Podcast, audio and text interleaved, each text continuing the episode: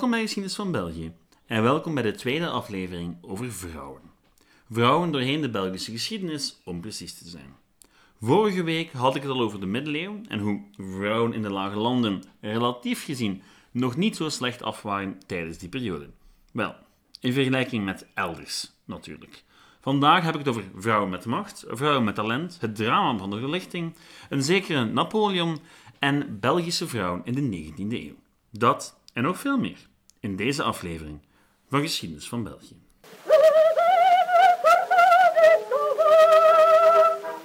Geschiedenis, liefste luisteraar, is een raar beest. Want niets is zoals het op eerste zicht lijkt. Wat we vandaag associëren met beschaving heeft vaak heel wat onbeschaafde trekken. Als je wat dichter gaat gaan kijken, in elk geval. En dat geldt zeker als het over de klassieke oudheid gaat. We zijn voor heel wat zaken schatplichtig aan de oude Griek naar Romein. Recht, filosofie, wetenschap, de lijst is lang. Maar wat we even goed te danken hebben aan diezelfde Grieken en Romeinen zijn genderstereotypes. U weet wel, de vrouw aan de haard, enzovoort.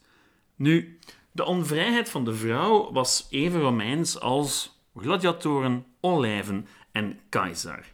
En dat is relevant, ook vandaag. Want heel wat mensen hebben tot op de dag van vandaag de neiging om te dwepen met de Romeinse samenleving en de Romeinse cultuur. En dus allerhande zaken, misogynie, vrouwenhaat inclusief, overhevelen als ze leentje buur gaan spelen bij de Romeinen. Waarmee ik niet gezegd wil hebben dat de ongelijkheid van de vrouw volledig te wijden is aan de Romeinen. Want ja, die ongelijkheid komt ook in andere culturen voor, die weinig te maken hebben gehad met die Dekselse Romeinen. Maar onze westerse interpretatie van die genderrollen, ja, daar hebben die Romeinen toch verdacht veel mee te maken. Want in onze streken kwam met de komst van de Germaanse stammen tijdens de 5e en 6e eeuw een andere interpretatie binnen, die tot diep in de middeleeuwen de vrouw wat meer vrijheid zal bezorgen. Geen wettelijke vrijheid, geen absolute gelijkheid, maar wel een stuk beter dan hoe het was, wettelijk gezien in elk geval, onder de Romeinen. En dat zal zo eventjes voortduren tot geestelijken, filosofen en dergelijke naar het einde van de middeleeuwen toe de Romeinse wetboeken en de Griekse filosofie herontdekken en de klok op zoveel mogelijk vlakken terug zullen willen draaien naar het jaar 30 na Christus. Inclusief de rol van de vrouw. Ze werden vrouwen steeds meer uit de formele, dus de officiële, economie geduwd en werden plekken waar vrouwen samenleefden, zoals begijnhoven en kloosters, steeds sterker gecontroleerd. Dat om er zeker van te zijn dat vrouwen zich niet met mannenzaken zouden bezighouden. Mannenzaken zoals filosofie of theologie. Zo werd in 1455 de piorin van een Gens klooster, Aleid Bake, nog afgezet omdat ze enkele Latijnse commentaren had neergepend op de theologie van haar mannelijke collega's. Dus ja, als dat je al in het probleem bracht. Naar het einde van de middeleeuwen toe werden vrouwen dus steeds meer naar de rand van de maatschappij geduwd. Wel, in elk geval als ze zich niet daar zelf naartoe begaven. Maar op politiek vlak stonden ze daar al langer. Formeel in elk geval. Officieel, zelfs al was een vrouw de enige erfgenaam van de een of andere troon, dan nog zou er al snel een man naast haar geplaatst worden, die officieel de touwtjes in handen had. Wat niet wil zeggen dat vrouwen geen macht hadden. Tuurlijk wel, maar zelden rechtstreeks. We zien ze wel af en toe opduiken op plekken waar je ze niet zou verwachten. Het slagveld bijvoorbeeld. Al gebeurde dat maar zelden. Maar vrouwen oefenden wel politieke macht uit. Ze namen vaak deel aan stakingen in de steden en werden ook heel vaak beboet voor laster tegenover deze of gene, machthebber. Nu, de vrouw met de meeste macht waren logischerwijze die van adel. Al is het nog altijd moeilijk om in te schatten hoeveel macht dat dan wel was. Want die macht die moest op informele wijze uitgeoefend worden. U weet wel, door gesprekjes binnenskamers. En dat moest binnenskamers omdat hoe langer de middeleeuwen duurden, hoe minder een vrouw met macht als iets natuurlijks gezien werd. Opnieuw dankzij de Romeinen, Aristoteles en consorten. Het staatsapparaat werd ook steeds professioneler, waardoor de informele rol van vrouwen aan het hof steeds minder belangrijk werd. En toch komen er in een politieke geschiedenis van de Lage Landen tijdens de middeleeuwen verrassend veel vrouwennamen voor. Heel wat Margaretas en Marias, om precies te zijn. En die zijn ook allemaal familie van elkaar. Een korte opzomming. Margaretha van Malen, Maria van Bourgondië, Margaretha van Oostenrijk, Maria van Hongarije en Margaretha van Parma. Wat al deze vrouwen gemeen hebben, buiten het feit dat de naam met een M begon? Wel, elk van hen regeerde op een bepaald moment in de 14e, 15e of 16e eeuw over de Nederlanden. Vanaf het moment dat de hertogen van Bourgondië grote delen van de lage landen in handen hadden gekregen, waren de heerschappen druk bezig om van gebied naar gebied te reizen. En ze lieten dan de vrouw des huizes achter om in hun naam de staat te beheren. Bijgestaan door een heleboel ambtenaren natuurlijk, maar in die geval vertegenwoordigde de vrouw de vorst. En vanaf de 15e eeuw was het niet langer de vrouw van de vorst die bij afwezigheid het gezag overnam, maar de landvoogdes. Een familielid van de vorst dat heerste in zijn naam. Zo regeerden achtereenvolgens een tante, een zus en een bastaarddochter van keizer Karel V over de Nederlanden. Nu, behalve regeren in naam van de vorst, werden adellijke vrouwen ook nog voor iets anders gebruikt: diplomatie. En dat was een positie waarvoor ze uiterst geschikt waren. Want in de diplomatieke wereld van de middeleeuwen was elk vorstenhuis met elkaar verbonden door middel van huwelijken. En als de mannen nood hadden aan vrede, maar elkaar maar moeilijk in de ogen konden kijken aan de onderhandelingstafel, dan werden de vrouwen erop uitgestuurd. En dat waren dan vaker wel dan niet elkaars tantes, nichten en kleindochters. En dat maakte de zaken er ook een stuk makkelijker op. Eerst praatte men over ja, het huishouden en dan regelde men de staatszaken, bij wijze van spreken. Nu, die huwelijken die zo belangrijk waren voor de allianties in Europa, werden vaak ook nog eens onderhandeld en voorbereid door de vrouwen aan het hof, wat ze een heleboel invloed gaf. Al moet ik daar nog wel een kleine kanttekening bij zetten, want een adellijke vrouw die was pas echt machtig als haar man overleden was. Dat klinkt vreemd, maar het zwarte weduwegewaad zorgt ervoor dat de vrouwen niet enkel als het verlengde van een echtgenoot gezien werden en een grotere status in de maatschappij genoten. Het mag nog niet verbazen dat de machtigste vrouwen in de lage landen in de 16e eeuw niet alleen familieleden van Karel V waren, maar evengoed weduws voor ze aangesteld werden tot landvoogdes. Dus dat speelde een grote rol. Een weduwe was, wettelijk in elk geval, bijna even belangrijk en al bijna evenveel rechten als een man. En het waren die machtige weduwen dan ook die de belangrijkste sponsors waren van kerken, kloosters en kunstenaars. Wat me tot het laatste aspect van de vrouw in de middeleeuwen brengt: kunst. Niet de vrouw als kunstobject, al kan je daar ook heel veel over babbelen. Nee, de vrouw als kunstenaar. Kunstenares dus. En er waren er een heleboel. Meer dan je denken zou, in elk geval omdat vrouwen nu eenmaal meewerkten in het atelier van Manlief, weten we dat een heleboel vrouwen meewerkten aan kunst. Dat kon schilderkunst zijn, beeldhouwkunst zijn, maar vooral miniatuur en het fabriceren van kledij, ja, werkten vrouwen gewoon mee in de werkplaats. Vaak gebeurde dat anoniem, maar het feit dat sommige van onze grootste kunstenaars opgeleid werden door vrouwen, doet vermoeden dat die vrouwen wel met het penseel om konden en een serieuze rol spelen in de kunst van de mannen rond hen. Want ja, die economie was in de middeleeuwen en de late middeleeuwen en de vroege renaissance een familiale zaak, zo ook voor de kunsten. Neem nu bijvoorbeeld Pieter Bruegel, een bekende kunstenaar uit de 16e eeuw, waar uw dienaar een hele grote fan van is. Wel, die Breugel was getrouwd met Maaike Koeken. Koeken was zelf de dochter van Pieter Koeken van Aalst, een bekend kunstschilder, en Maaike Verhulst. En die Maaike was zelf dan weer de dochter van een schilder, schilderde zelf miniaturen en leidde haar kleinzonen op tot schilders.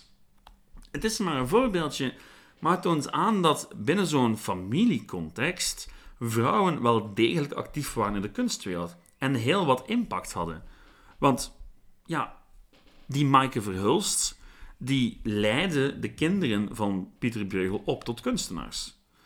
Dus ja, die heeft wel veel te maken gehad en veel te betekenen gehad in het kunstwereldje van de 16e eeuw in de Lage Landen.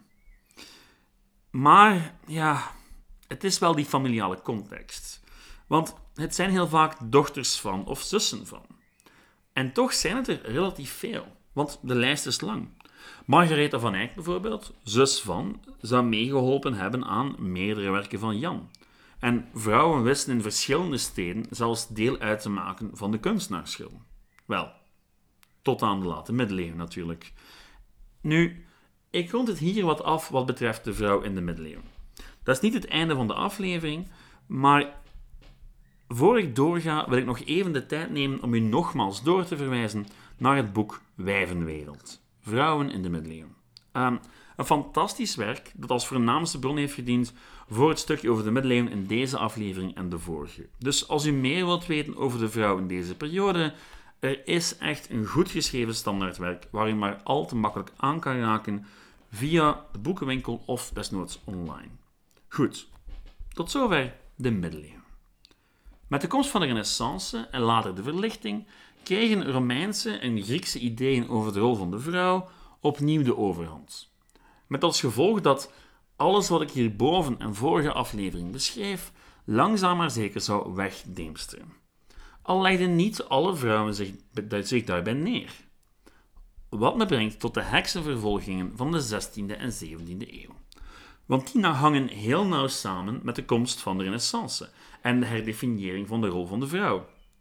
Want het idee dat een heks in de eerste plaats een vrouw was, kwam natuurlijk van, u mag raden, de Romeinen. Wel, wie anders? En vanaf de 15e eeuw werden vrouwen steeds meer gelinkt met de zonde, met verleiding. Een proces dat al vroeger was begonnen tijdens de middeleeuwen, maar vanaf de 15e eeuw vond het ook ingang in de praktijk, in de parochies. En begonnen steeds meer mensen aan te nemen dat dat verleidelijke van de vrouw enkel en alleen van de duivel stammen kon.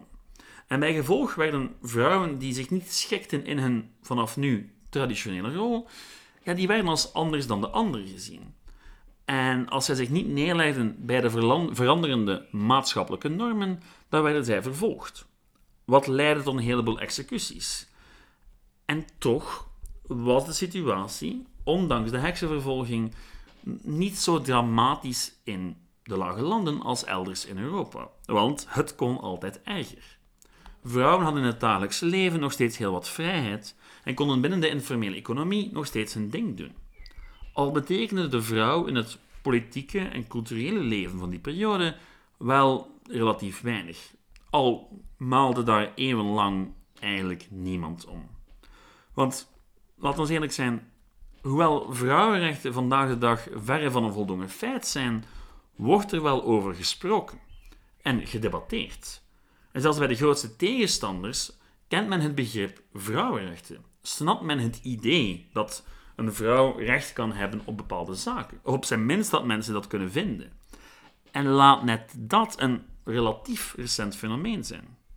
En dat geldt eigenlijk voor rechten in het algemeen. Want pas op het einde van de 18e eeuw, met de doorbraak van de verlichting, kwam het idee van een persoonlijk recht op iets bovendrijven. Recht op vrijheid, recht op een dak, op onderwijs, op stemrecht, op vrijheid van religie, vrijheid van meningsuiting, enzovoort enzoverder. Maar die lijn werd niet onmiddellijk doorgetrokken naar gelijkheid tussen man en vrouw. De grote verlichtingsfilosoof Jean-Jacques Rousseau bijvoorbeeld mocht de mond dan wel vol hebben over de rechten van mens en burger, maar vond daarom niet dat de vrouw dezelfde rechten hebben moest als mannen. Nu, Jean-Jacques Rousseau was wel op meer vlakken hypocriet te noemen, maar die hypocrisie werd ook aangeklaagd ten tijde van de Franse Revolutie, toen ze ook al pijnlijk duidelijk werd. Zo schreef Olympe de Gouges in 1791 de Verklaring van de Rechten van de Vrouw en de Vrouwelijke Burger. Een verklaring die duidelijk bedoeld was als een aanvulling op de Verklaring van de Rechten van de Mens en de Burger. En die eerste verklaring die was er twee jaar eerder gekomen, maar die had enkele interessante hiaten. Er werd helemaal niet over vrouwen gepraat. En dat was vreemd, want tijdens de Franse Revolutie speelden vrouwen wel degelijk een grote rol. Zowel op de straat als in de salons, waar heel wat van de revolutionaire ideeën ontwikkeld werden, stonden vrouwen op de eerste rij. Maar in die eerste grondwet en die eerste rechtenverklaringen na de revolutie werd er over vrouwen met geen woord gerept. En de Gauche argumenteerde dat de revolutie pas echt voltrokken zou zijn als niet enkel mannen van elke kleur gelijk werden voor de wet, maar vrouwen ook. Iets wat al blijkt uit de eerste zin van haar verklaring, hier vrij vertaald. Ik citeer.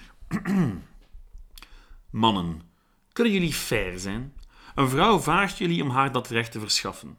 Vertel mij, wie gaf jullie het soevereine recht om mijn geslacht te onderdrukken?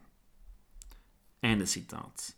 Je kan het nalezen online, al heb ik geen Nederlandse vertaling gevonden, maar het hele werk lang gaat de Gouge elk artikel over van de originele verklaring van de rechten van de mens en benadrukt daar dat elk recht dat men geëist had ook vrouwen toekwam. Nu zou je denken dat revolutionairen die opkomen voor vrijheid, gelijkheid en broederschap gevoelig zouden zijn voor dat soort argumenten. Maar, eh, wel, ja, de reactie was slecht. Rampzalig zelfs. En misschien maakte de Gouge wat gewaagde keuze door het werk op te dragen aan de Franse koningin Josephine, maar ze maakte zich zo onmiddellijk verdacht bij de Republikeinen. Specifiek bij ja, de Jacobijnen. En toen de revolutie radicaliseerde, werd de Gouge uiteindelijk veroordeeld voor landsverraad en geëxecuteerd, door middel van de guillotine. En de Franse krant schreef toen het volgende na haar dood.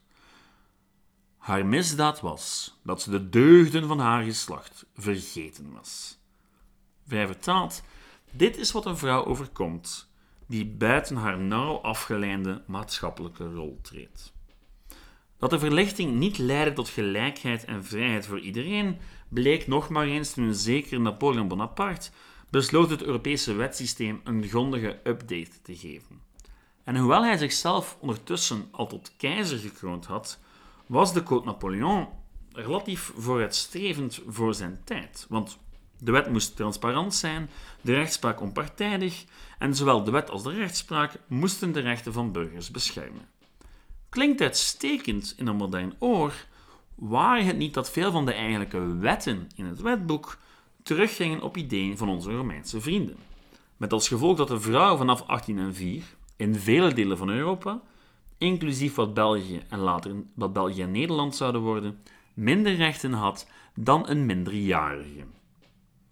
De weinige verbeteringen doorgevoerd tijdens de 18e eeuw, bijvoorbeeld in de Oostenrijkse Nederlanden, die werden gewoon teruggedraaid. En tijdens de 19e eeuw zat de realiteit voor veel, voor veel vrouwen in Europa als volgt in elkaar. Vrouwen mochten het huis uit, inkopen doen, het huishouden beheren en een rol spelen in het sociale leven. En als het moest, door de economische situatie, mochten ze ook werken. Op het veld, in het atelier. Maar dat was het dan ook wel. Want de gangbare politieke ideologie was dat de rol van vrouwen niet verder moest gaan dan dat. Al begonnen er door de 19e eeuw heen steeds meer uitzonderingen op die regel op te duiken. Ook in België. Al werden in burgerlijke kringen de traditionele genderrollen gepromoot als de enige beschaafde optie. Op de Facebookgroep kan u enkele afbeeldingen vinden die de 19e-eeuwse visie mooi, mooi in beeld brengt. Feit is dat enkel de goede burgerij in staat was om echt zo te leven. Want voor de overgrote meerderheid van de bevolking was het simpelweg geen optie om de vrouw enkel het eigen huishouden te laten beheren. Een aanvullend loon was essentieel om te overleven. Dit is de periode waarin heel wat kinderen ook verplicht werden om te werken in fabrieken. Dus is het dan ook maar logisch dat de vrouw niet zomaar aan de kant gelaten kan worden? Nee, nee, de meeste vrouwen moesten helpen om het gezin te laten overleven en gingen dus aan de slag als van alles. Maar toch vonden tijdens de 19e eeuw langzaamaan wel steeds meer meisjes de weg naar het onderwijs het lager onderwijs in de eerste plaats. Want secundair onderwijs was nog vooral voorbehouden aan jongens. Het zou nog heel lang duren eer de overheid zich echt zou gaan bezighouden met vrouwenonderwijs. En zelfs in het lager onderwijs was dat onderwijs van meisjes fundamenteel anders dan dat van jongens. Het doel van het meisjesonderwijs was immers het opkweken van goede huishoudsters, gastvrouwen en moeders. Al waren er uitzonderingen. De meest bekende was de school van Isabelle Gatti in Brussel, die naast huishouden en handwerk ook inzette op wetenschap en literatuur, met de duidelijke intentie om die vrouwen meer kansen te geven. En ja, onderwijs geeft kansen en dat heeft ook effect. Want langzaam maar zeker ontstond er een generatie vrouwen die geen genoegen meer nam met haar traditionele rol. En toen het in het buitenland begon te rommelen en feministische manifesten hun weg vonden naar België, was er een generatie vrouwen klaar om zelf aan de slag te gaan met het feministische gedachtegoed. Maar dat, liefste luisteraar, is voor volgende week. Dan zetten we het laatste hoofdstuk van deze kleine reeks in, die van het Belgisch feminisme. Wie meer wil lezen, verwijs ik met veel plezier door naar de website gendergeschiedenis.be. Dat is een heel toegankelijke website waar de mensen van het Archief en Onderzoekscentrum voor Vrouwengeschiedenis veel van waar ik het vandaag over had op overzichtelijke wijze in beeld hebben gebracht. Dat was het. Tot volgende week. Ciao!